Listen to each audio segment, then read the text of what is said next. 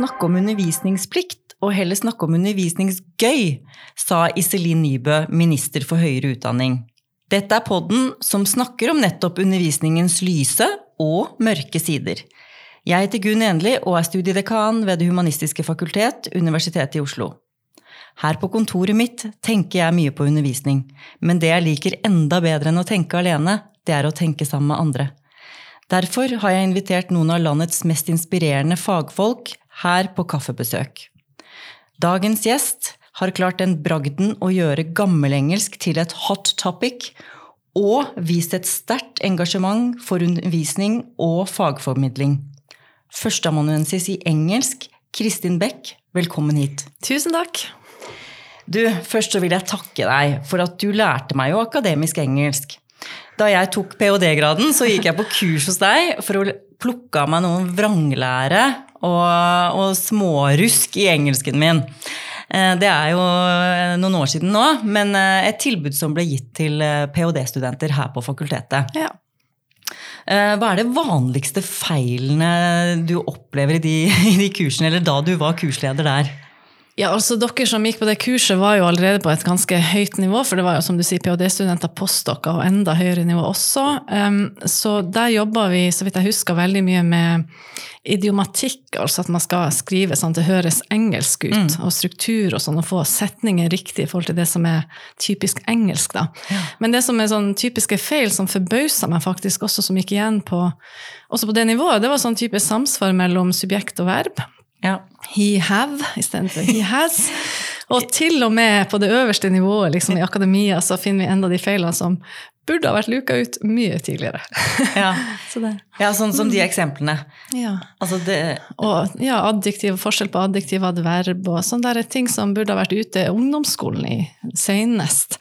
Så det er et lite mysterium for meg hvorfor det ikke skjer. Men uh, men, men, dere var jo veldig flinke, da.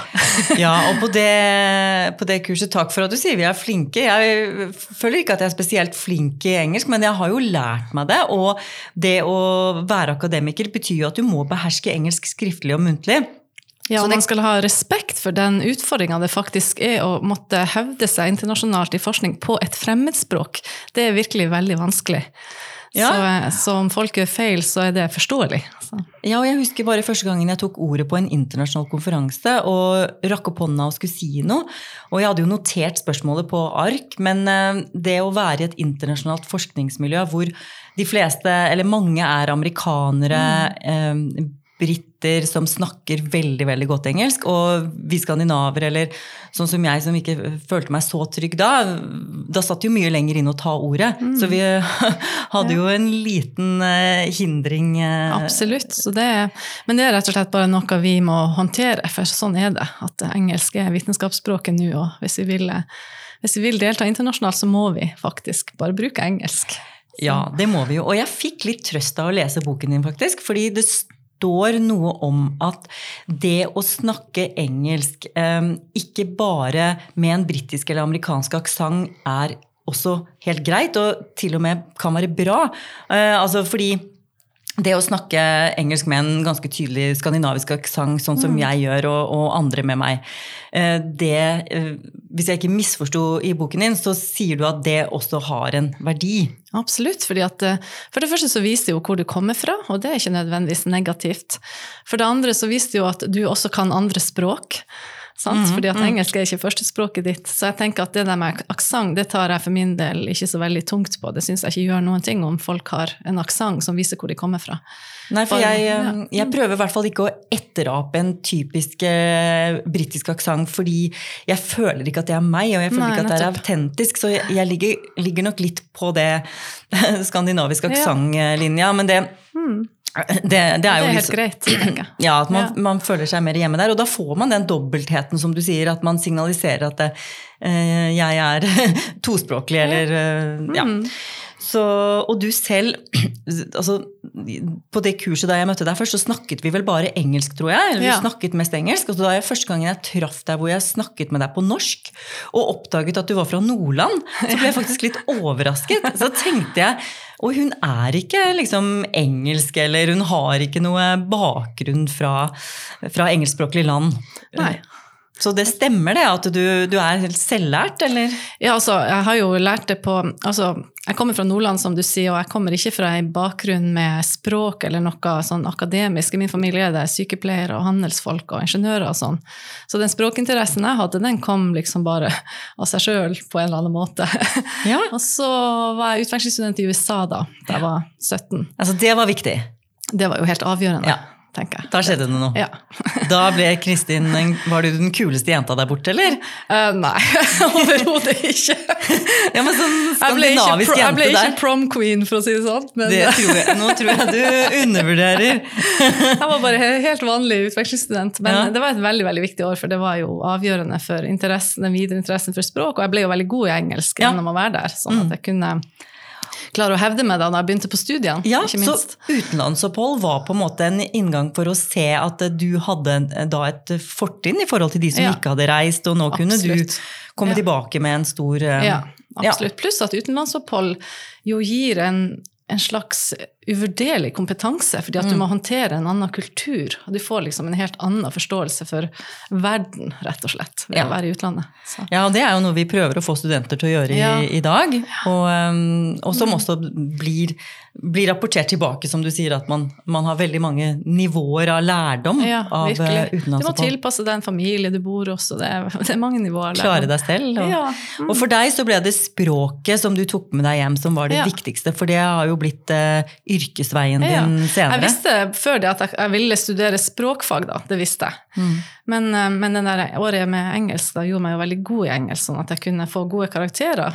Og dermed havner jeg her på universitetet til slutt. Mm. Ja, Så ja så du, du nådde gjennom det nåløyet, Ja. ikke sant? Ja. For det er jo um, mange som kan studere engelsk, men få som kan bli forskere. ja. Det skal, sånn skal det vel være også. Det, vi trenger ikke at alle blir forskere, men Nei. noen må bli det. Noen må gjøre den jobben også. Det gjør absolutt du. Du jobber jo med engelsk språkhistorie, og du utga boken fra English til English på Pax forlag i 2016. Eh, I den boken så skriver du at en av fordelene med å studere gamle språk er at man blir bevisst på at språk er dynamiske, og der, derfor er de også hele tiden i endring. Det syns jeg var litt godt skrevet og litt eh, godt å lese, fordi at det, det snakkes jo veldig mye om at eh, språk ødelegges av låneord, eller at vi blir sjokkert når ungdom bruker språk på andre måter. Men du mener altså at eh, språkhistorie kan lære oss noe her? Absolutt, fordi eh, det som jeg opplever da når jeg er ute og foreleser om de her tingene, gir foredrag, formidlingsforedrag om det her, det er jo at folk etterpå kommer opp til meg og sier at når jeg da har vist dem hvor mye engelsk sjøl har endra seg, og så utfordrer jeg dem til å tenke over om det gjør så mye om vi får noen engelske låneord i norsk, f.eks. Mm. Så kommer de opp og sier at du har gitt meg et helt annet syn på det der med språkendring og sånn. Så jeg føler liksom at jeg Ja. klarer å få folk til å skjønne bedre da at det er naturlig at språk endrer seg. Det betyr ikke at man ikke kan irritere seg over det, for Nei. det syns jeg man kan få lov til. Men, eh, men det er faktisk naturlig at språk endrer seg. Ja, og det blir jo veldig sånn som folk blir enten veldig veldig frustrert over, engasjerer seg veldig og blir veldig oppgitt og nærmest desillusjonerte på vegne av samfunnet og på vegne av det norske språk og identitet og kultur. At det, det er bare forfall overalt. Nå Ja. snakker vi engelsk og sier masse. Eh, ja, ikke sant? Jeg kan forstå det på en måte, fordi at man skal jo passe på språket også, og passe på at man f.eks. i akademia fortsetter å opprettholde norsk som et eh, undervisningsspråk. Absolutt. Sånne ting, fagspråk og alle sånne ting, så man ikke taper hele domenet. Da. Men, men noen få låneord fra engelsk i norsk er ikke jeg så veldig bekymra for. Særlig ikke siden veldig mye av det norske ordforrådet faktisk er tysk. Så. ja, Så hva har vi egentlig å forsvare? Bytte ut litt tysk låneord med litt engelske låneord. Så det, det er ikke så viktig for deg å huske på 80-tallet at vi eh, her i Norge ikke skulle si eh, walkman, men vi skulle si eh, lommedisko. Ja. Og det slo aldri helt an, gitt. Nei, for det er ikke alle sånne ord som slår an. Noen kan gjøre det, men, men en del ord eh, Språkrådet foreslår jo ofte sånne avløsere. Sånn, Og mange er jo gode. Mange er gode. Mm. Det, det Men det er folket som bestemmer hva som eh, skal brukes. Ja, og nå Du bruker jo i boken noen eksempler på eh, engelske låneord som er veldig veldig vanlige. Og noen av de er jo knyttet til sånn eh, digitale medier, sosiale medier, at vi snakker om likes og, Mm. Ja. Ja. og ja. Facebook og likes og ja, mange sånne, Det- sånne ord. Til og med likes har begynt å bli stava på norsk nå. L-A-I-K-S. L-A-I-K-S, ja. ja sånn at det er i ferd med å bli norsk. den har jeg ikke sett. Så sier vi én likes, flere likes. Ja, det, det, er akkurat som én pins, flere pins. ja, Eller caps. Ja, en caps, flere caps, ja også. Ja, det er en, mange paradokser. Men uh, du hadde fått en stor jobb hvis man skulle være veldig sånn rigid på dette her og prøve å kjempe imot eller si at nei, sånn er det feil å bruke det. Ja, det er det jo mange som prøver, men, eh, men det nytter ikke. Men selvfølgelig kan man være bevisst, og det er jo Språkrådet sin rolle, tenker jeg, å komme med sånne Ja, utspill da, som, eh, Ja, og som jeg- gjør folk mer bevisst. Jeg sjekket at det heter nå podcast på norsk. Ja. Eh, podcast med K. Eh, så den er um, fornorsket Ja. uh, ordet. Ja. Eh, men eh, mange bruker det jo med C, så det, Ja. det er litt sånn dobbelt. Men jeg tenker her på HF er det greit å, ha, å ha, prøve å være så korrekt man kan. Men, men som du sier, det er i stadig utvikling. Mm. Og, og du underviser jo studenter som kommer rett fra videregående. Eh, mange av de er jo veldig sånn, gode i engelsk. Man snakker jo egentlig ikke om engelsk som fremmedspråk lenger i skolen. Nei, det er bare engelsk. Ja, Ja. eh, og disse ungdommene er jo vant til engelsk nettopp gjennom sosiale medier og gjennom dataspill og TV-serier. Så mange tror vel at de kan det, og, og kan det godt. ikke sant? Men, men hva er ditt inntrykk? eh, Hvordan er egentlig engelskkunnskapene til eh, ungdommene som Eller de som er gamle nok til å begynne på universitetet, da? Som du møter? Det varierer veldig. altså De aller fleste har veldig god uttale, for de er så Mm. vant til det. De hører det overalt og forholder seg til det muntlig veldig mye. Og så varierer det veldig hvor gode de er skriftlig. Mm. Sånn at eh, der har jo Det kan være utfordring for mange. Mange gjør veldig mye rett og slett grammatiske feil. Ja. Um, andre har problemer med å uttrykke seg idiomatisk, og så er det noen som er kjempeflink. Ja. Så det er litt sånn, faktisk litt utfordrende for oss å håndtere det, for det er så stor forskjell oh, ja. på studentene. Så det er en av mm. utfordringene med å undervise i engelsk nå, at det spriket mellom svake og sterke studenter er Ja, sånn språkmessig. Større enn-. Ja, mm, en eh, tidligere, ja. Jeg vet ikke om det er større enn tidligere, men vi ser det i hvert fall veldig tydelig nå. Det som jeg Mm. tror er forskjellen fra nå og tidligere, det er at eh, studentene er veldig gode i uttale. ja. Så vi vil nesten bli kvitt den der veldig typiske norske aksenten. Den der eh, veldig typiske Tor Heyerdahl-aksenten. Ja. Tor. Heyerdahl, ja. Den er død ut. Ja, det er jo sånn at eh, når vi hører nordmenn snakke engelsk i offentligheten, f.eks. Eh, Torbjørn Jagland eller andre, så kan det bli ganske heftig debatt. Eh, eller man kan være liksom nesten flau over å være nordmann med en sånn representant for oss. Hva tenker du om det? Altså der, der kan man egentlig bare tenke på hvordan man sjøl forholder seg til eh, utlendinger som snakker norsk med sterk aksent. Det bryr jo ikke vi oss om. Sant? Vanligvis når vi er- hører en, en som snakker norsk med sterk aksent, så tenker vi ja, det er en person som ikke er norsk. En som prøver, og En som en, prøver, ja. det blir ofte litt sjarmerende. Ja, så, så innfødte talere av engelsk vil ikke på den samme måten irritere seg over norsk aksent som vi gjør, som er norsk. Det er veldig rart. Ja, det er jo litt Så jeg paradoks syns der. man skal være litt sånn avslappa med det, tenker jeg. Men hvordan er du som foreleser? Altså, jeg har lest boken din, og da får jeg et inntrykk av at du er veldig strukturert. Boken er veldig godt skrevet, den er veldig god struktur, Takk. veldig lett å lese. og jeg vet at du har fått gode anmeldelser, mm. så dette er ikke første gangen du hører skryt om boka, men eh, det, det, det gir meg et inntrykk av at du, du i hvert fall er en, en strukturert person. Hvordan er du som foreleser? Ja, ganske strukturert, som du sier. Alltid godt forberedt, vil jeg si. Det er veldig viktig, fordi uh, det er en måte jeg har for å håndtere nervøsitet på. Ja. Blant annet, fordi at jeg blir alltid litt nervøs før jeg skal undervise selv etter Nå har jeg undervist i snart 25 år, Så, uh, men uh, det er alltid litt sånn skummelt å gå til, gå til undervisning. Men det hjelper jo å ha forberedt seg og vite akkurat hva man skal gjøre, og ikke minst ha tima undervisninga godt, sånn at man vet at man får tid til å Ja, gjøre det man skal. At man ikke går over tiden, men uh... Ja, og det har også med respekt for studentene å gjøre. De blir utålmodige hvis man ikke blir ferdig, de blir irritert hvis man ikke blir ferdig med det man skal. har sagt at man skal gjøre. Så jeg prøver virkelig å time det godt. Og nå ligger det så i blodet at det ofte er på minuttet. Ja, det er veldig bra. Og det har jeg erfart, at du mister studentenes konsentrasjon i det minuttet klokka slår. Ja. Da begynner de å pakke ned PC-er og iPader, og sekken blir nesten satt Mm. på ryggen, så da, da har vi mista de. Så det er nesten ikke noe poeng å fortsette, eller sjelden, da. Og da er det jo veldig dumt hvis man ikke får med liksom, oppsummering Ja. og konklusjon. da, før Nettopp. det. Så det prøver jeg virkelig. Så timing er viktig. Ja, timing er viktig. Men ellers så prøver jeg liksom å, å altså, Min filosofi er streng, men snill. Ja, streng, men snill, Streng, ja. men snill. ja Fordi at jeg er litt opptatt av at studentene må, må gjøre sin del av jobben, og så Mm. gjør vi vår del av jobben, Mm. og så blir det veldig bra i det samarbeidet. da. Ja. Så jeg, prøver, jeg tror jeg, studentene oppfatter meg som vennlig og imøtekommende, men at jeg krever at de faktisk skal gjøre jobben sin. ja. Og Så- streng er jo mer at du setter krav Ja. eh, og ja. Mm. Men um... Og så tror jeg jeg prøver å bruke litt humor og ja, litt sånn. Ha det litt morsomt, da. Ikke sånn at jeg forstår, står og forteller vitser, fordi at det funka ikke. Da sitter halve studentgruppa og ser uforstående på deg. Ja. Hva det her? vi, eh, Men bare sånn, mer sånn humor som kommer i øyeblikket, da, med, hvis det skjer et eller annet. Eller. Ja. Ja. Ja, det, det er jo en sånn litt sånn avvæpnende form.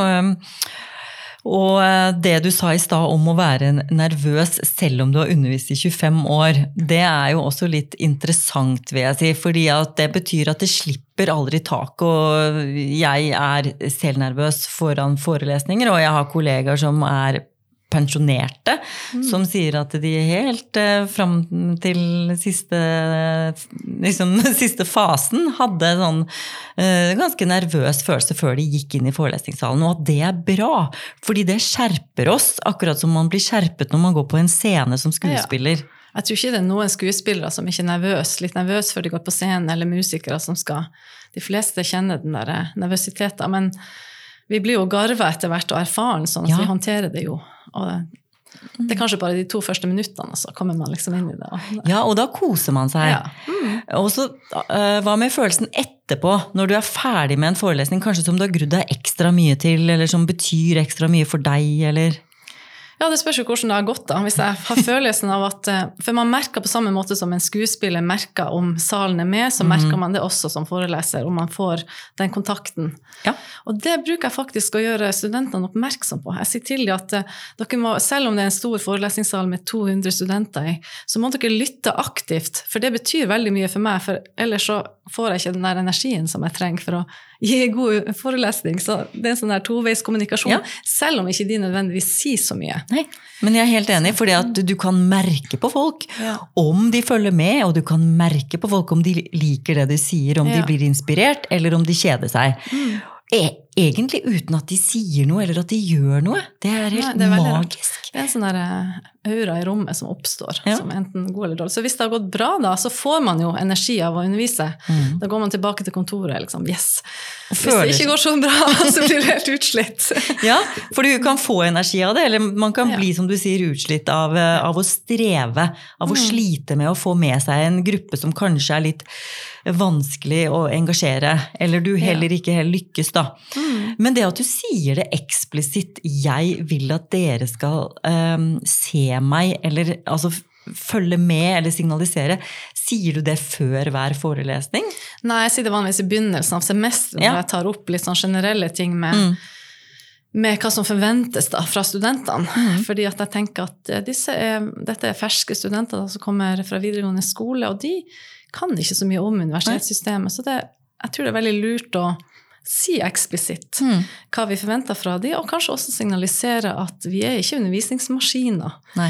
For det første. For det andre så har vi mange mange andre ting vi også må gjøre. Vi må forske, blant annet. Ja. Og det vet ikke studentene. Så jeg bruker å si til dem at eh, 50% av stillinga skal være forskning, og det er veldig vanskelig. Mm. Og hvis vi ikke gjør det, så kommer instituttlederen og klager over manglende produksjon. og og da, derfor kan dere ikke sende e-poster hele tida. Nei, Så du bruker faktisk forskningen også som et argument for at du må skjerme tiden din. Og Ja. det er jo veldig viktig, fordi undervisningsplikten vår er jo definert til omtrent 50-50, Ja. eller eh, engelsk lånord der, halvparten av tiden.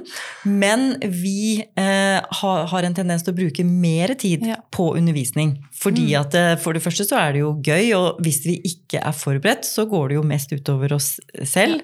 Og vi blir mer tappet for energi og får ikke den gode følelsen som, Mm. som vi trenger i, i jobben vår. Det, men det er interessant at du sier at du starter med en forventningsavklaring helt Ja. i begynnelsen. Fordi um, mange av våre studenter er jo rett fra videregående, førsteårsstudenter. Og Ja. hvordan de forholder seg til oss, vil jo avhenge av om de vet noe om universitetet på forhånd eller ikke. Altså, vi vet jo at mange av de kaller dette for en skole. Altså, Ja. Uff, ja, sier du! Vi må få det bort! Jeg er helt enig, og, men vi må hjelpe de. Ja. fordi hvis eh, Jeg hadde en samtale med mine studenter hvor jeg snakket om dette med skole versus universitet, om begrepene. Mm. Ja. Og en av de sa ja, men mamma sier at jeg skal si universitetet, men jeg føler at det er så pretensiøst. Og at de kommer rett fra videregående, og da sa de alltid skolen, så de tenker ikke på det. Det kommer automatisk. Men det å bevisstgjøre på rollen som hva er forskjell på å være student og elev? Ja, det, jeg tror det er utrolig viktig. Mm. Fordi at um, Og jeg tror at det vil Altså, universitet betyr jo at vi er en, et, et fellesskap, da.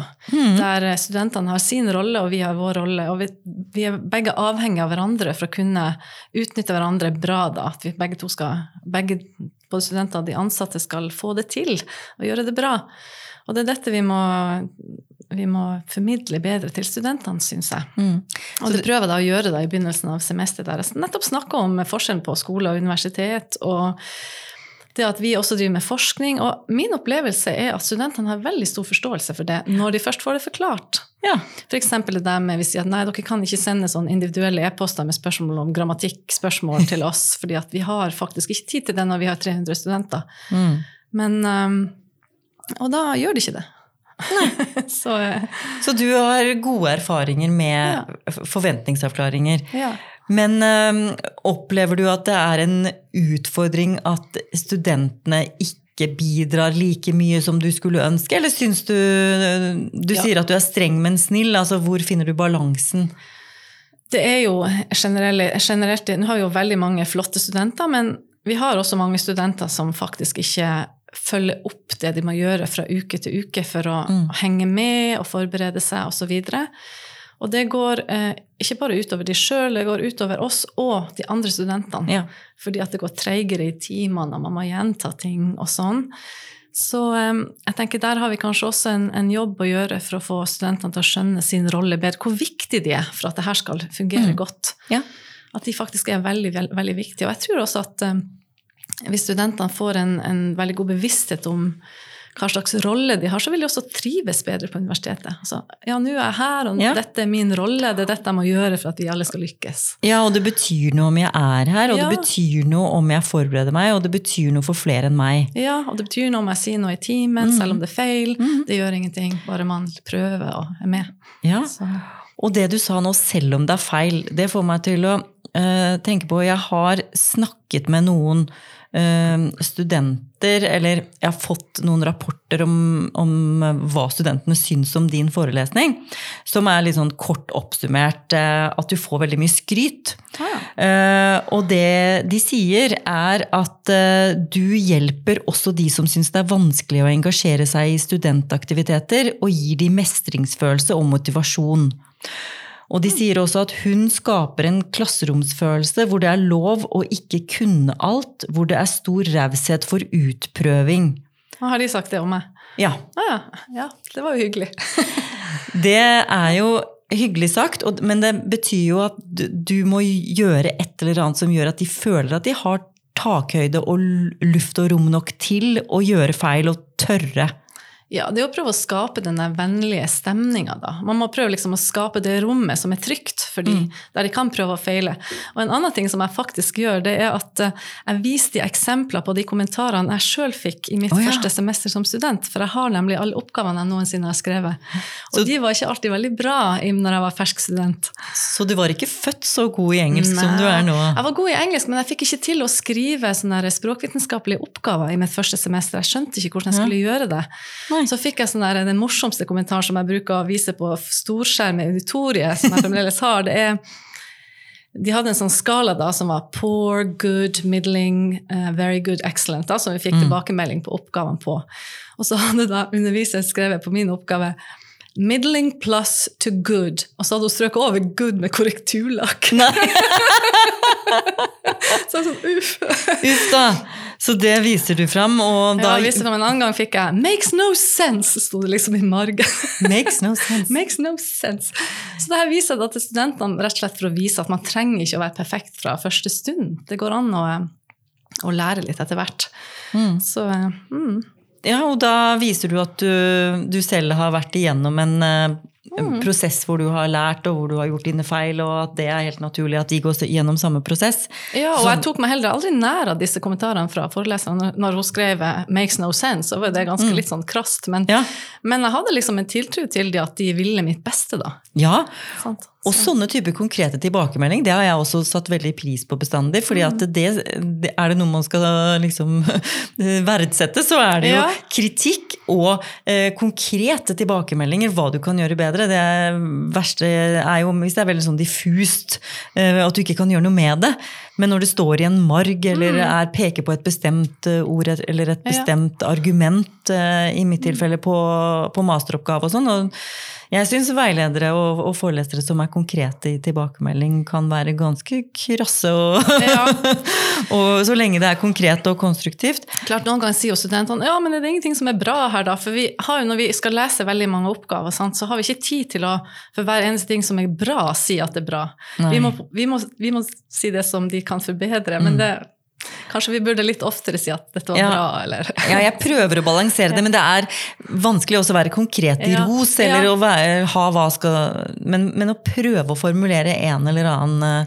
Jeg 'good' i margen og sånn, selvfølgelig. Ja, men, ja. Ja det- good i margen, ja. eh, ja. Og så, og så gi litt eh, oppmuntring da, Ja. på, på det som fungerer. Men, eh, men da, det betyr jo at du har et veldig bevisst forhold til det pedagogiske og hva du ønsker å få til med undervisningen, men også hva som er litt sånn vanskelig med overgangen. Førsteårsstudenter, Mm. og hvordan du skal få de inn i Jeg har veldig stor sans for de ferske studentene. Jeg syns det er så utrolig kjekt å møte sånne helt unge folk som kommer rett fra videregående skole. For de, så liksom sånn, de har livet framfor seg og mange valg de skal ta. Så det liksom så, jeg liker det så godt, og derfor vil jeg veldig gjerne gi dem liksom noen sånn, rett, sånn Hjelpe de da, å Ja. finne den retninga. Og det er kanskje en av de største undervisningsgledene Mm. vi har. Uh, altså Den muligheten til å møte unge mennesker hele tiden, det, det holder jo oss uh, Ja. i, i gang, liksom, på, og i kontakt med, med de unge. da. Mm. Så man kommer aldri til et sånn stivnet uh, format, føler i hvert fall jeg. Altså, vi, Mm, jeg vi får mye igjen for det. Absolutt. Og, det, og du har mulighet til å påvirke dem, for som sagt, i mitt felt, som er språkvitenskap, Mm. så kommer de jo uten å ha peiling på det fra før. De har ikke hatt noe om det på Jeg visste sjøl ikke, jeg hadde aldri hørt ordet lingvistikk før jeg begynte på universitetet, f.eks. Og da kommer de, og så oppdager de at å ja, dette liker jeg. Ja. De tror kanskje at de kommer og skal studere litteratur, eller noe, for det har de jo tross alt hørt om og Ja. lest noen bøker, men så oppdager de at systematikken i lingvistikk tiltaler de. Og det er liksom en stor glede å være til stede når det skjer, da. ja, for du får være med på den Ja, oppdagelsen de har når de blir eh, faglig engasjert. Ja. Mhm. Eh, Men tenker du noe på andre enden, altså når studentene dine er ferdig, eh, når de liksom har en mastergrad og, skal ut og søke jobb og komme ut i arbeidslivet, tenker du på hva slags jobber de får? Veldig mange av våre studenter blir jo lærere, Mm. fra eh, de som studerer engelsk. Så eh, det som jeg tenker på, det er jo hvor kommer de fra, nemlig videregående skole, og hvor skal de etterpå? Også til videregående skole, Mm. Ja. men da i en annen rolle, kanskje.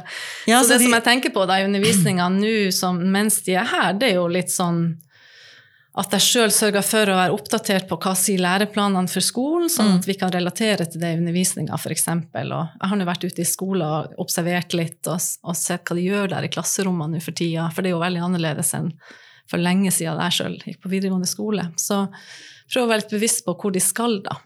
Mm. Men jeg har ikke så stor oversikt over hvor de som ikke blir lærere, havner henne. Det skulle jeg egentlig gjerne likt å visst. Ja. Holder du kontakten med noen studenter, eller følger med på de spesielt, eller er det sånn ut av sine, ut av sin? Altså, Masterstudentene treffer vi jo ofte igjen, for de blir jo lærere. Ja. Men uh, vi har 300 studenter liksom, på grunnivået på bachelor, Mm. så der vet, der holder jeg ikke så veldig mye kontakt med de, med mindre de skriver til meg en gang iblant, og det, det hender det at de gjør. Ja. Så sier hvordan det går og sånn. Så det, det er veldig hyggelig. Men, men de aller fleste mister vi litt av syne, dessverre. Vi skulle gjerne ha fulgt de opp litt mer, men Ja. det går ikke. Nei, men sånn er det jo. Noen har man jo, følger man jo lengre, og kanskje helt til ph.d. Ja. Og, mm. og andre har man bare en kort stund. Men um, det å undervise i engelsk, tenker du at det er noe spesielt sammenlignet med andre språkfag eller andre fag? Altså selve undervisningen? Jeg tror jo vi alle har litt av de samme utfordringene, nemlig å få, få studentene til å eh, engasjere seg og, og forberede seg og gjøre Mm. sånne ting. Mm. Um, det som kanskje er annerledes med engelsk og de andre språkfagene, er jo at studentene har hatt engelsk veldig lenge før de Mm. kommer til universitetet, så de skal i prinsippet være på et ganske høyt nivå. Så eh, det er kanskje litt, så vi får nok en del studenter som kanskje tenker at ja, jeg vet ikke helt hva jeg skal studere, men jeg kan jo engelsk, så kanskje jeg skal ta et år med engelsk. Sånne, Ja. sånne studenter. Så finner de ut at nei, det skulle jeg kanskje egentlig ikke. Eller de finner ut jo, dette var jo bra. Ja. ja, fordi det er et ganske stort fag, Ja. og, og mange søker seg dit av varierte grunner. Men eh, det, dere, dere underviser på en måte på samme måte som andre. Eh, Men du, du Ja, jeg tror det. fordi at eh, vi har jo litteratur, områdestudier, språk de må ta. Det gjør de også på de andre Mm. Språkfagene. At må, studenter må orientere seg litt bredt. da. Ja. Og du sier at dere eh, sliter, eller den største utfordringen er å engasjere studentene og få de til å forberede seg. Har du noen eh, tanker om hvordan man kan gjøre noe med det? Nei, jeg syns det er veldig vanskelig, egentlig. fordi jeg gjør jo alt jeg kan for å forberede meg godt. Mm. Jeg prøver å skape et godt miljø i rommet. Men jeg tenker vel egentlig at den største jobben der, den må studentene gjøre sjøl. For de har valgt å studere på universitetet eh, helt frivillig. Eh, De får gratis utdanning. Det er et fantastisk privilegium. Ja, det må vi ikke glemme. Det må vi ikke glemme. Så jeg tenker at de må sjøl finne motivasjon for å faktisk engasjere seg. Og det, det er liksom den strenge delen av meg, da. Ja, ja. Nei, men eh, du har jo hele tiden sagt at du har en dobbelthet i det strenge og det snille. Mm. Så eh, det strenge ligger liksom i at de må sjøl de må selv bestemme seg for om de har lyst til å gjøre dette, og så må de gjøre det som trengs for at de skal lykkes med studiene. Og så hjelper vi de på veien for å gi de retning og hjelpe de med å forstå ting og sånn. Så, Men på videregående så hadde jeg en fransklærer som var eh, kanskje litt som deg, streng, men snill. Men han var kanskje litt mer streng enn snill, da. Det han gjorde, var at han gikk gjennom eh, våre rader med pulter, og så plutselig så pekte han på en som måtte svare på leksen. Og det kunne jo være meg, like mye som det kunne være hvem som helst. Og det gjorde jo at jeg forberedte meg eh, mer til hans timer enn til andre læreres timer. Eh, ville du tenke noe sånn eh, type teknikk? Altså, jeg vil kanskje ikke gå rundt og bare plutselig peke, men jeg gjør også det i mine timer. At Ja. jeg bare peker på noen og spør om de kan svare på det spørsmålet. Og det er jo selvfølgelig lov da for en student å si at akkurat Ja. i dag så har jeg ikke forberedt meg så godt, Ja. eller jeg vet ikke. Men jeg godtar ikke det gjennom hele semesteret, at noen ikke vil svare. Nei. Det må de, fordi det det er et universitet, og det er jo en av de forventningene vi må si at vi har, at de må delta på de seminarene. For Ja. det, dette er et universitet, du kan ikke bare gjemme deg bort. Nei, og det er jo en del av utdanningen òg, at de skal kunne fungere, altså de skal kunne ytre seg ja. i, i, i møter eller offentlige samtaler, eller i hvert fall ja. Hvis jeg har noen studenter som jeg ser liksom absolutt ikke vil si noe, så skjer det at jeg, jeg faktisk tar en prat med dem sånn etter timen og spør de litt oh, ja. ut om ting. og liksom prøver å finne ut hvorfor de ikke vil si noe. Noen sier jo at de f.eks. har litt sosial angst og ikke tør det her. Så jeg prøver liksom å legge til rette da, for at for eksempel, Da kunne en metode være å gi dem en oppgave som de skal forberede seg til å svare Ja. på da, til neste gang, sånn at de ikke blir overraska av et spørsmål, men at de må si noe. da. Veldig smart. Så får de trent seg litt på å si noe høyt da i timen, så blir det kanskje litt lettere etter Ja, for det er jo målet, det. At vi gir eh, lavterskelmuligheter, slik at eh, alle kan på en måte komme inn i, Mm. i det. Eller få det som en vane, da. Å kunne rekke opp hånda eller delta. Og jeg tenker også også Det er så utrolig viktig å få alle stemmene ut da. Fordi at det sitter jo mange studenter vil jeg tro, som kanskje er veldig stille av seg, som har mye kunnskap egentlig å dele. Så jeg vil synes det var det er så tragisk hvis de alltid skal være stille og ikke si noe. Ja. Vi vil gjerne ha ut de der stemmene. Ja, vi går glipp av noen, og det er jo et veldig godt argument for å eh, peke på noen, eller legge den ekstra ressursen det er å ta den praten, som du sier. Jeg er imponert over det, at du går på eh, enkelte studenter og sier 'hvorfor sier du ikke noe i timen'? Eh, Jeg har aldri gjort det selv, men jeg har nok hatt lyst til det. Jeg har uh, hatt en del summegrupper i timene, hvor jeg setter folk sammen Ja. to og to, og så ser jeg noen som ikke sitter sammen, Ja. som sitter allikevel én og én. Så går jeg opp til de og sier eh, hei, det er jo en ledig person der, hvorfor dere kunne jo Ja. snakke sammen? Så sier de nei, det er ikke så farlig, jeg sitter Mm. fint her. Og da går jeg ikke noe videre i å utforske hvorfor. Jeg bare tar det som et signal i at dette vil de ikke.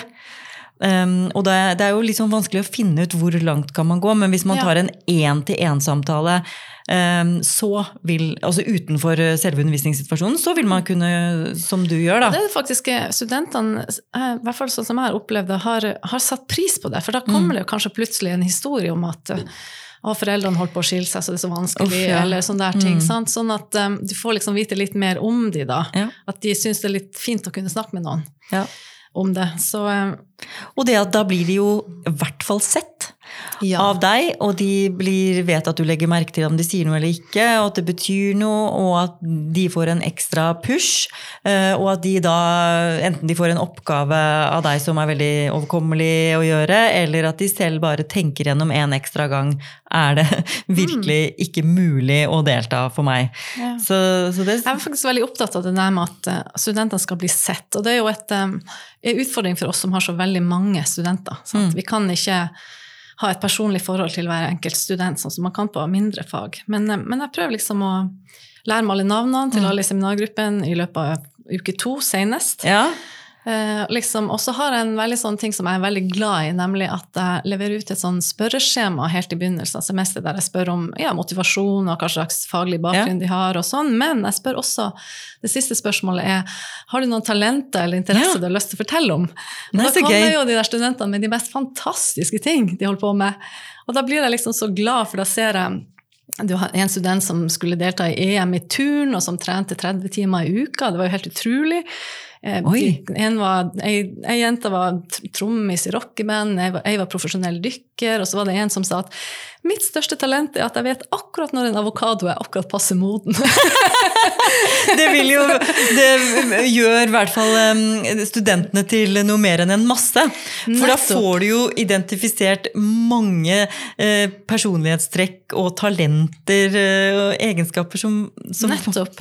Og det er det jeg syns er så fint, fordi at eh, hvis jeg da underviser grammatikk, og jeg har noen studenter som ikke klarer det så fint, eller de strever med faget, så vet jeg at de har å, de har, men de har også det Ja. talentet, eller det talentet, som jeg også nevner i timene da, også, eh, for de. Så det, Ja, du kan jeg ser på det som en litt sånn der humanistisk eh, tenkemåte, liksom, at jeg vil se på de som en, eh, noe mer enn en grammatikkstudent, da, kan du si. Ja, men det er veldig imponerende, og det fungerer sikkert er eh, veldig morsomt. Veldig også sosialt, altså byggende i forhold til det du nevnte i stad, med klasseromsfølelse. Og, og det, det kan være en, eh, en måte å gjøre det på. At man, man Jeg leser jo opp alle de her da, i plenum. Gjør det, ja. Ja, da, ja. så vi har det veldig morsomt med det. Ja. så, Så det skaper en eh, og så kanskje, jeg håper jo kanskje at noen studenter da kan oppdage at å ja, der var det jo en person jeg hadde noe felles med. mm, Ja, jeg driver også med turn, Ja. eller jeg har Jeg synger også i kor. Og, jeg liker også avokado som Ja. er passe moden. Skal vi snakke sammen? Ja, sånn at man, man bryter på en måte isen gjennom, gjennom disse bare små, små, Små ting, ja. eh, ja, innblikk i, i hvem de er. ja. Så, så det er et av dine Mine triks, ja. triks, ja. Det høres eh, veldig bra ut. Du er jo også en flittig formidler.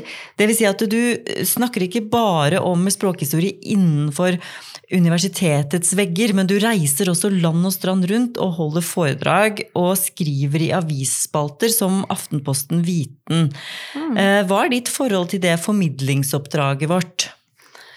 Altså, um, det er jo Her på universitetet nå så er det jo veldig sånn stort fokus på excellence, altså at alle skal være så fremragende hele tida. Vi skal hente inn forskningsmidler osv. osv. Vi, skal, eh, vi skal være et internasjonalt forskningsuniversitet på høyt nivå. Ja.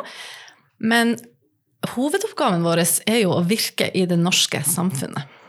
Ja. Og da må vi jo sørge for at eh, folkene i samfunnet vet hva vi driver med. Og det gjør jo Universitetet i Oslo i veldig stor grad. Det går vel aldri en dag uten at noen fra UiO er ute i media på en eller annen måte og sier noe interessant. Så min, min del av det da er jo å, å, si, å fortelle om noe så obskurt som engelsk språkhistorie, og hvordan det kan være relevant. Og da prøver jeg liksom å trekke inn det der med humanioras rolle, da. Mm. Um, med å få de til å forstå at selv små, litt sånn merkelige, perifere for mange fag er Ja. viktig, fordi at jeg driver med et språk som er gammelt. Og hvis den kunnskapen dør ut, så mister vi den direkte lenka til de historiske periodene det språket ble brukt i. Og det er jo en, veld, en veldig viktig lenke å ha. Så noen må kunne det.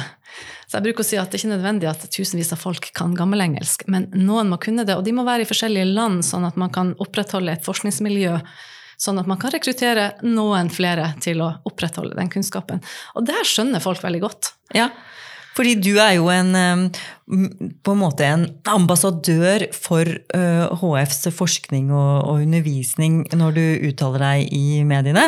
Eh, og du formidler jo også mm, på en måte din eh, kunnskap eh, på en måte som som er litt sånn eh, Ja, aktualiserer noe som er veldig, veldig gammelt. Og det er det som jeg tenker kanskje ligger sånn i kjerna da, av humaniora, humaniorafagene, at vi kan gjøre sånne ting. Vi driver med sånne ting. Ja. Og det har sin verdi også i dagens samfunn.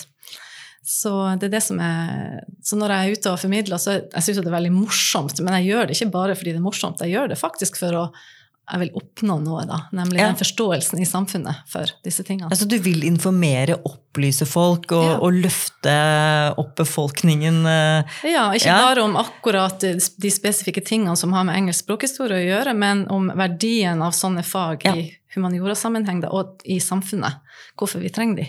Ja, og det er jo, som du sa tidligere, vårt eh, samfunnsoppdrag på universitetet er jo veldig sterkt knytta til det å um, spre kunnskapen. Altså formidle og, og gjøre em, Gjøre det mulig å ta del i kunnskapen vår, og at samfunnet og, og Og samfunnet, folk er jo veldig interessert i det. Det er jo helt utrolig. De kommer jo på de foredragene da om engelsk språkhistorie. ja, For hvor er det du gir disse foredragene? Typisk. Nei, det er mange forskjellige plasser. Jeg har gjort det mm, ja, Litteraturhuset og Men det har gjort veldig mye ganske mye av. Det er forskjellige senioruniversitet rundt Ja. omkring.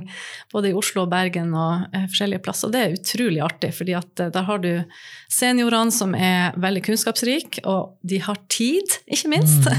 og de er veldig nysgjerrige. Så det er et sånt supert publikum å ha. Ja. Så, men ellers er det forskjellige plasser. Jeg har også vært ute i, jeg hatt eh, dobbelttimeundervisning i videregående skole, f.eks., og på invitasjon fra lærere som har lest boka. Ja. Så, eh, mm. Så for deg så har boken også vært en døråpner for å få flere invitasjoner? ja, det er jo den som har vært døråpneren, kan du si. Sånn Ja. sett. Så, mm, fordi Så- den fikk eh, oppmerksomhet. Så. Ja, Så det skjedde noe etter at den ble Absolutt. Jeg formidla før det også, men i mye mindre skala. Ja, så nå kan du nesten starte AS? Nei, jeg tror, jeg, må, jeg tror faktisk jeg må fokusere litt på forskning fremover. Ja, du har jo en, eh, en plikt der også, når det gjelder forskning. har det, så nå eh, Det er jo det som er så synd, det er jo at formidling teller jo ikke noe som helst noen plasser egentlig med, i sånne kriterier, etter sånne parametere som vi får belønning for da i systemet, egentlig. Så teller formidling veldig lite. Ja, det er, eh, det er en sånn tilleggsfaktor Ja, tilleggsting. som eh, Jeg har vel brukt det at jeg formidler både i professoropprykkssøknad og i andre sammenhenger. Ja. Men det er alltid et sånt krydder, da, Ja. som, som man strør oppå. Jeg mener vel egentlig at det bør kanskje profesjonaliseres litt. At det ikke bare skal være krydder, men at det skal forventes av ansatte at man skal formidle noe. Ja. Og det er så mange måter å gjøre det på, så det tror jeg er overkommelig for alle å gjøre noe. Ja, fordi jeg er enig i det at formidling er eh, stor Det er jo det tredje viktige oppdraget vårt, altså undervisning, forskning og formidling. Det står i universitetsloven. Det står i universitetsloven, vi er nødt til å gjøre det, og vi, vi vil ikke la være å gjøre det, for det taper vi jo på. Mm. Eh, Jeg får jo sånne nyhetsovervåkningsrapporter nå som jeg er prodekan, og da ser jeg jo at du har helt rett, UiO er i avisen og TV og radio hver dag. Mm. Eh, Enten med små kommentarer eller med store kronikker, så vi er absolutt synlige. Men det er nok noen enkeltpersoner som står for mye, og så er det en del som ikke gjør så mye. Altså, eller at det er litt, i hvert fall litt ujevnt fordelt. Og det har jeg tenkt at har noe med også det hvor komfortable folk er i offentligheten, og hvor glad de er i det. Men akkurat det du sier, at alle kan gjøre noe. Fordi det er annerledes å skrive en kronikk enn å være på Dagsrevyen eller snakke Ja. i radio eller ha en blogg. Og nå med sosiale medier så er det jo Eller å holde foredrag i skolen. Og så er det jo litt forskjell på fagene. da. Hvis du er ekspert på britisk politikk, så har du det veldig travelt i de her, disse tider med brexit og alt. Ja. Og vi, mens vi på språkvitenskap, det er ikke naturlig at vi er ute i media hele tida. Men, eh, men Nei. iblant. Så, å, sånn sett så er det jo litt urettferdig også, eller altså ujevnt fordelt. Ja. Eh, Vi på medievitenskap har fått veldig mye henvendelser og veldig mye Ja. Fordi mediene er jo opptatt av seg, av seg selv. Ja. så de vil jo alltid vite, liksom eh, Hvis det skjer noe innenfor journalistikken eller Ja. mediene, så dekker de det gjerne. Og ikke bare det, men vi, vi har jo også et sånt litt sånn moderne forskningsobjekt som, som kanskje er enklere å selge inn Ja. enn i utgangspunktet gammelengelsk er. Mm. Men det at du har klart det gjennom den boken, og gjennom også å skrive kronikker og, og um, være ja, Du har jo blitt en stemme i språkdebatter. altså Helene Uri har vel nevnt, uh, ja, den til boka mi. Nevnt boken din. ja, Og, veldig hyggelig. ja. og så var det en debatt om fotgjengerengelsk. Ja, det var en litt absurd debatt. Jeg, jeg brukte ordet fotgjengere tilfeldigvis en, eh, fordi jeg ble spurt av, eh, av en avis. Det var vel eh, Hvilken avis var det, da? Jeg glemt det. Men anyway. anyway. Jeg brukte ordet fotgjengeraktig om den nye læreplanen i engelsk. Ja. Og det var det da noen som ikke likte. Det var vel Klassekampen, ja, der Ja. denne debatten oppsto. Og så var det noen som ikke likte det ordet fotgjengeraktig i det hele tatt. Og så oppstod det en debatt om Men- det ordet. Jeg syns du klarte deg veldig bra. Og at eh, du overbeviste sterkt for at det ordet var eh, verdig. Jeg syns det er et veldig fint ord. Det er veldig fint ord, ja. Men det er ikke sikkert andre syns det, og da kommer det ikke til å bli brukt. Nei. Um... Men det oppstår jo sånne ting. Da. Det der var bare en sånn liten morsom ting, tenker jeg. Men, Ja. eh, Og Men, det at man har det gøy med formidling, er jo også viktig. At man får noe ut av det selv og møter folk. Og noen ganger så får man jo kanskje, kanskje inspirasjon til eh, forskningen sin, eh, og hva man skal forske på, eller altså, hva er offentligheten opptatt av. Så kan jo det noen ganger smitte tilbake til forskning eller til eh, undervisning, at man kan bruke det litt i undervisning. Absolutt. Så eh, det, Men eh, tenker du at eh, kobling mellom forskning og undervisning er en utfordring? Eh, Det er jo veldig mye fokus på det nå. vet du, jeg har lurt litt på det der, fordi jeg hører jo at studentrepresentantene sier at eh, de ønsker at studentene skal involveres mer i forskning. Men det er ikke det inntrykket jeg har fra våre studenter, som vi treffer hundrevis av hvert år. Jeg har aldri hørt at noen student hos oss har sagt at de har lyst til å være med på forskning. Nei. De har mer enn nok med å håndtere emnene sine. De har jobb på si ofte, som de skal for å være helt ærlig så tenker jeg at studentene kan involveres i forskning på masternivå, men, men ikke før, for de må jo lære seg grunnlaget også. Ja. Men det er klart at forskning og undervisning er jo knytta til hverandre gjennom at vi forsker og Ja. formidler det i undervisninga. Ja, at vi Men å sette vår studentene, i hvert fall ikke i våre fag, er det ikke naturlig at studentene deltar så mye i forskning før de kommer på master. Kanskje i sånne andre fag der de har mer sånn laboratoriearbeid eller sånne mer sånn praktiske ting man kan gjøre, at det mer naturlig. Ja, og det å koble forskning og undervisning har jo også veldig mange dimensjoner. Ja. Eh, Som du sier, noe, noen ganger så forstås jo det som forskningsbasert undervisning. Ja. Eh, andre ganger så forstås det som at studentene skal inn og forske i type laboratorier. Da. Og, og her på HF så ligger vi jo, jo kanskje litt eh, Det er jo veldig mange varierte fag, men Mm. det er først på mastergrad at mange får gjort sitt første stykke ordentlig forskning selv. Ja, de skriver kanskje noen semesteroppgaver før det, der de må prøve seg litt og finne data og sånne ting. Men, eh, men ordentlig forskning skjer nå først på master, ja. Ja, i hvert fall slik det er nå i de fleste fagene. Det er, men det er som sagt også en diskusjon og, og eh, et område hvor det kan kanskje utvikle seg. ja Ehm, jeg har tre faste spørsmål til slutt.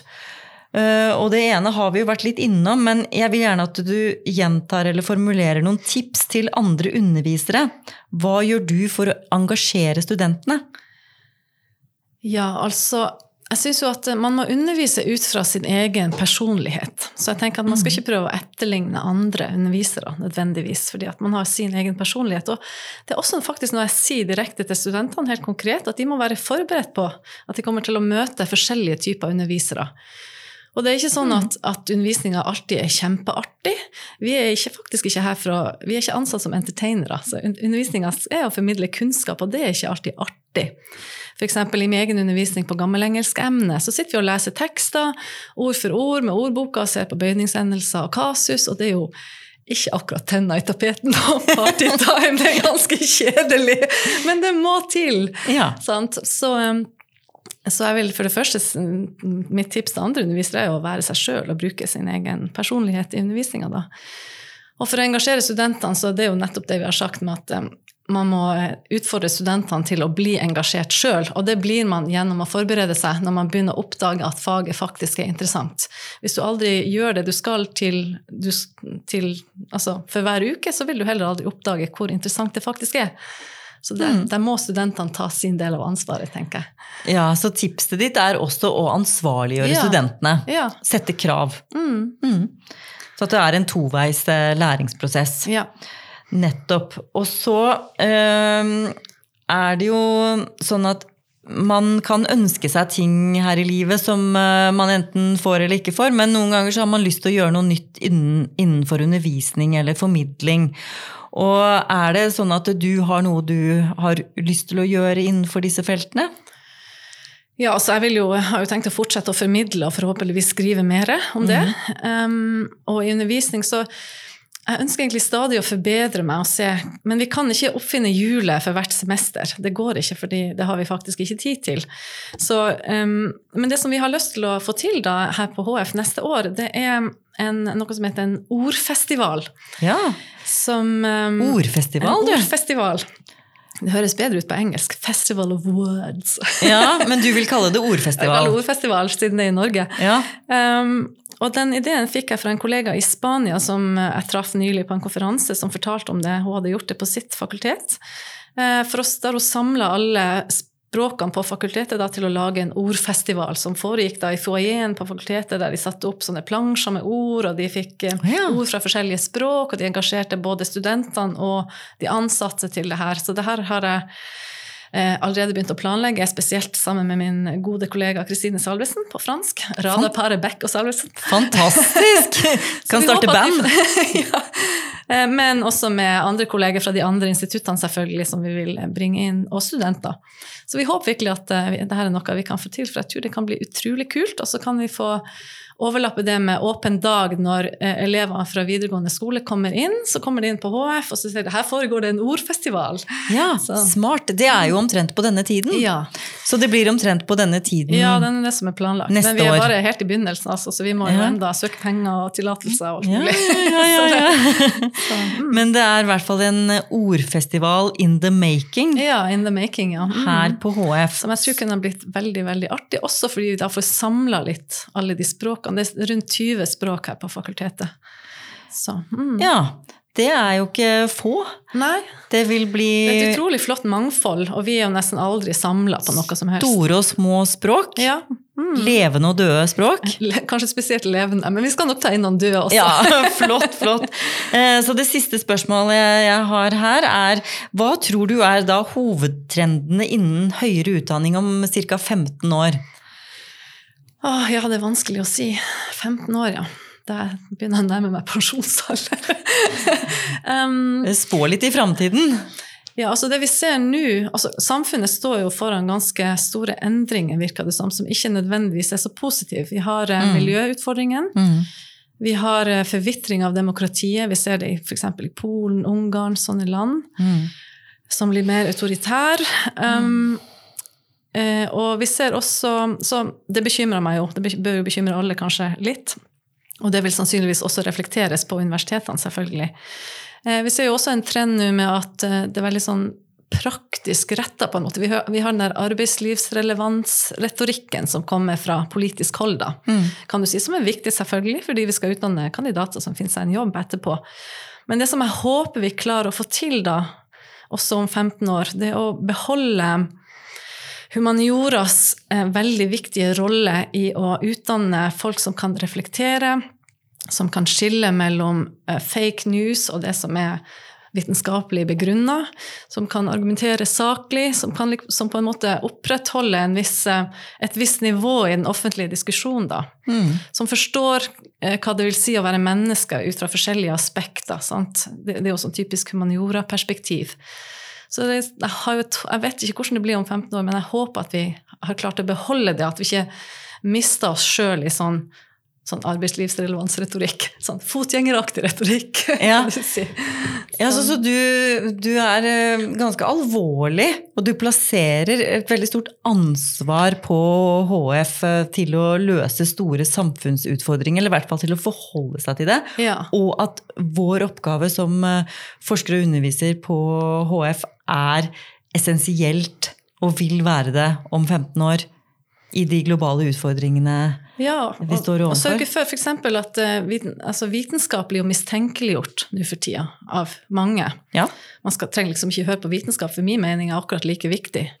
Det blir Så, litt sånn tenker, ja. relativisering Ja, relativisering av alt mulig. Så det er utrolig viktig at våre kandidater kommer ut herfra til forskjellige typer jobber med de redskapene som vi har gitt dem for å opprettholde liksom, refleksjonsnivået i samfunnet. Sånn vi unngår hatretorikk, at vi klarer liksom å for Mm. eksempel, argumentere imot de tingene. Så jeg tar det faktisk veldig Det er en veldig alvorlig ting. Ja.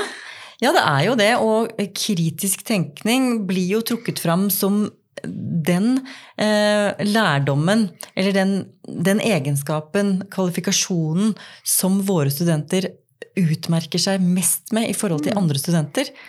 Og det blir jo bare viktigere og viktigere. Ja, absolutt. Det kommer til å bli ekstremt viktig i framtida. Så vi må holde på det der nivået, da. At vi Ja. skal, eller den, Så, den dimensjonen. så HFs betydning vil være enda sterkere om 15 år. Ja, altså jeg tenker at eh, det er som sagt vanskelig å spå, men den vil i hvert fall ikke være mindre. Vi er helt avhengig av eh, humanistiske fag for å kunne overleve som et demokratisk samfunn, tenker jeg. Rett og slett. Absolutt enig i det, og vi eh, avsluttet på en litt uh, alvorlig tone her. Uh, men det har vært veldig veldig hyggelig å snakke med deg. Kristin Beck, tusen takk for at du kom på kontoret mitt og delte så mange kloke tanker og erfaringer. Uh, dette har vært veldig givende for meg. For samtalen. Og neste uke er vi tilbake med nye dypdykk i undervisningspliktens lyse og mørke sider, med en ny spennende gjest fra akademias høyeste elfenbenstårn og dypeste korridorer.